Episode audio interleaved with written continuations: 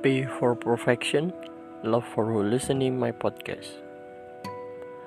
Ya, kembali lagi sama saya Ria Dwi Nanda Putra Rusianto.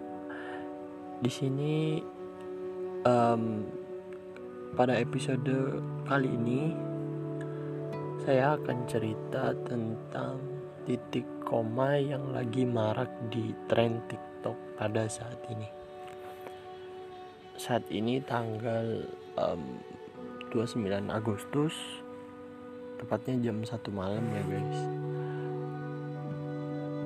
Menurut kalian tuh apa arti depression, anxiety, broken home? Like kalian pernah gak sih ngerasain itu semua? Pasti banyak dari kalian yang kayak ih itu aku banget. Selama ini aku juga kayak gitu. I mean like eh hey, kamu nggak sendiri.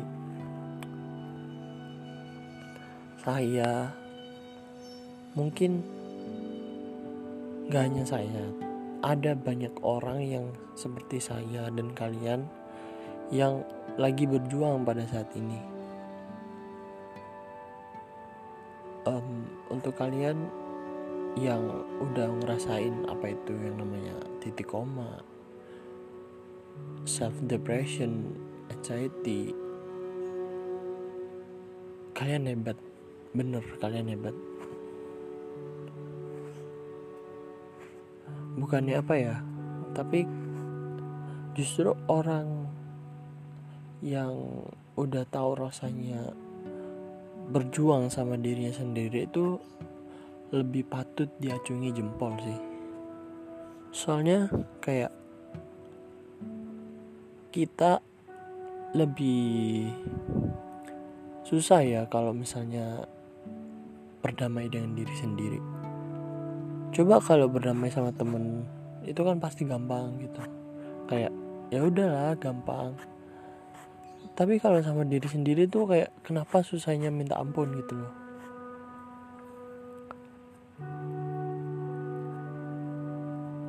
Mungkin dari beberapa orang beberapa teman kalian menganggapnya kalian tuh kayak it's fine in the outside. Tapi mereka nggak lihat kamu tuh di dalamnya gitu mungkin kalian juga setiap hari di luar itu ketawa-ketawa sering murah senyum dan segala macam. Tapi pas kalian udah sendiri pas kalian lagi ada di me time nya kalian keluarlah semua. Segala kesedihan segala kecemasan. Hmm, oke. okay it's okay. Itu wajar buat kalian yang kayak gitu. Tapi jangan terusan. Jangan berulang. Jangan sering-sering. Karena itu juga nggak baik gitu. Ayo bangkit. Kita pasti bisa guys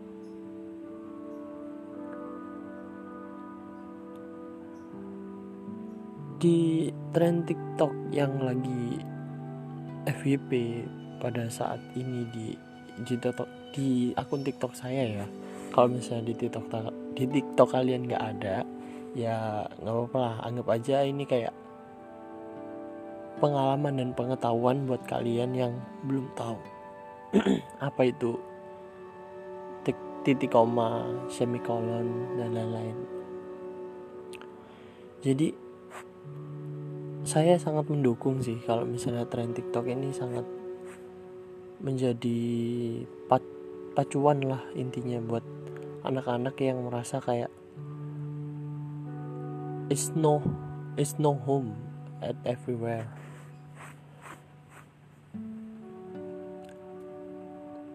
Bener deh tren TikTok yang lagi marak pada saat ini.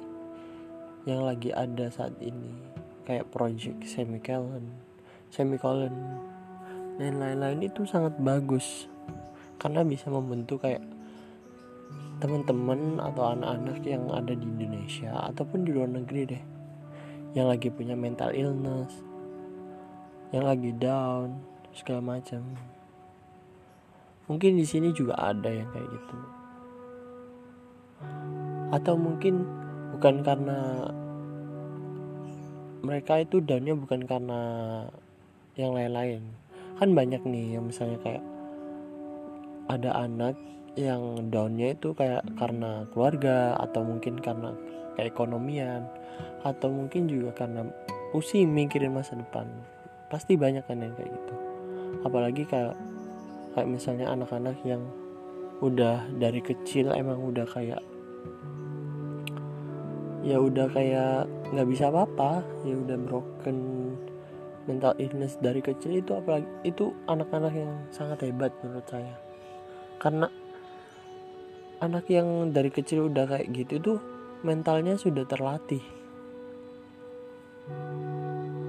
Tapi yang bikin saya agak tersentuh itu kalian waktu kecil udah mental illness down broken dan segala macam tapi kalian tuh acting like everything is fine. Itu terharu banget sih ya saya. Kayak keren gitu. Loh mereka masih kecil tapi mereka masih bisa jaga diri mereka biar nggak biar nggak nunjukin bahwa mereka tuh lagi nggak baik-baik aja gitu. Mungkin nggak hanya yang dari kecil ya yang yang bisa dibilang hebat. Bisa juga dari anak yang baru-baru aja ditinggal orang tuanya atau baru-baru aja orang tuanya bercerai atau orang tuanya mungkin lagi ada problem dengan keekonomiannya siapa pun kalian itu apa pun yang kalian alami alamin tetap andalin Tuhan. Tetap ibadah. Jangan sakitin diri kalian sendiri. Saya percaya kalian bisa melakukan semua itu. Ada nggak sih di sini yang kayak punya self reward self reward uh, buat buat gantiin daunnya kalian gitu loh mental illnessnya kalian. Atau cara atau solusi buat ngilangin mental illness kalian atau downnya kalian atau depresinya kalian. Contoh nih misal kalau saya tuh biasanya misal kalau ada masalah di rumah atau lagi depresi atau gimana itu pelampiasannya harus cerita ke orang cerita ke temen yang paling dekat cerita ke temen yang bener-bener oh anak ini harusnya dengerin aja harusnya dengerin aja nggak usah ngapain itu yang harus saya lakuin gitu loh. Itu itu solusi saya. Soalnya saya bukan tipe orang yang um, gimana ya saya bukan tipe orang yang pelampiasannya tuh bukan ke orang tua gitu. Meskipun ada orang tua ya. Tapi saya lebih nyaman ke temen temen deket saya. Terus kayak malah bisa jadi tuh temen yang menurut saya adalah keluarga kedua. Bukan yang keluarga kedua ya. Keluarga banget lah intinya. Soalnya temen tuh yang paling bisa ngertiin kita sama ngertiin keadaan kita gitu loh guys. Paham gak sih? Tapi kembali lagi ke diri kita sendiri. Karena se sengerti ngertinya teman kamu sengerti ngertinya sepaham pahamnya teman kamu tentang keadaan kamu yang paling ngerti tentang dirimu sendiri adalah ya kamu sama Tuhan kamu boleh percaya temen. Tapi teman mana sih yang nggak yang nggak yang nggak peduli sama kamu gitu loh?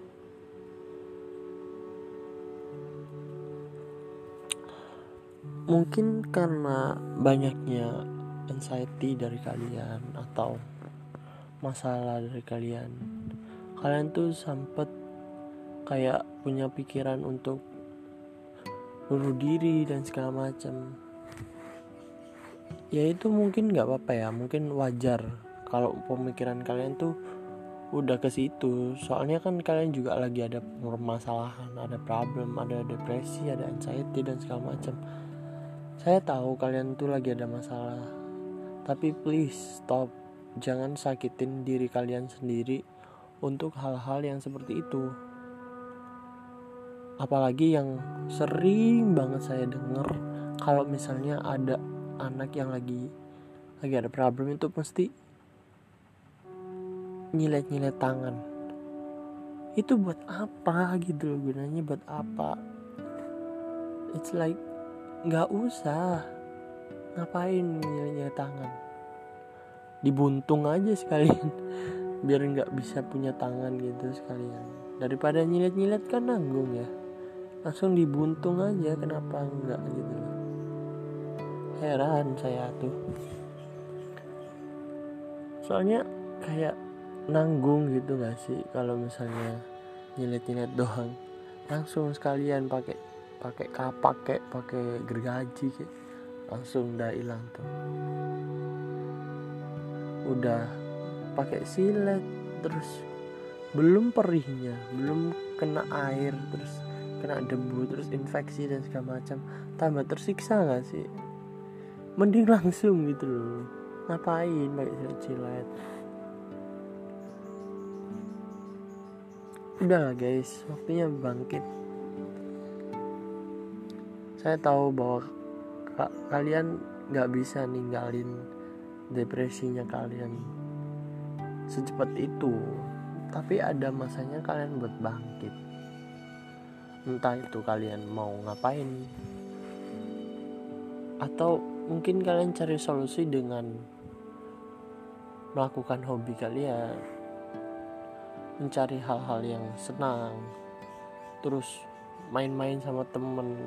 Pokoknya kalau kalian merasa udah down dikit aja itu langsung langsung cari apa yang bikin kalian bikin happy gitu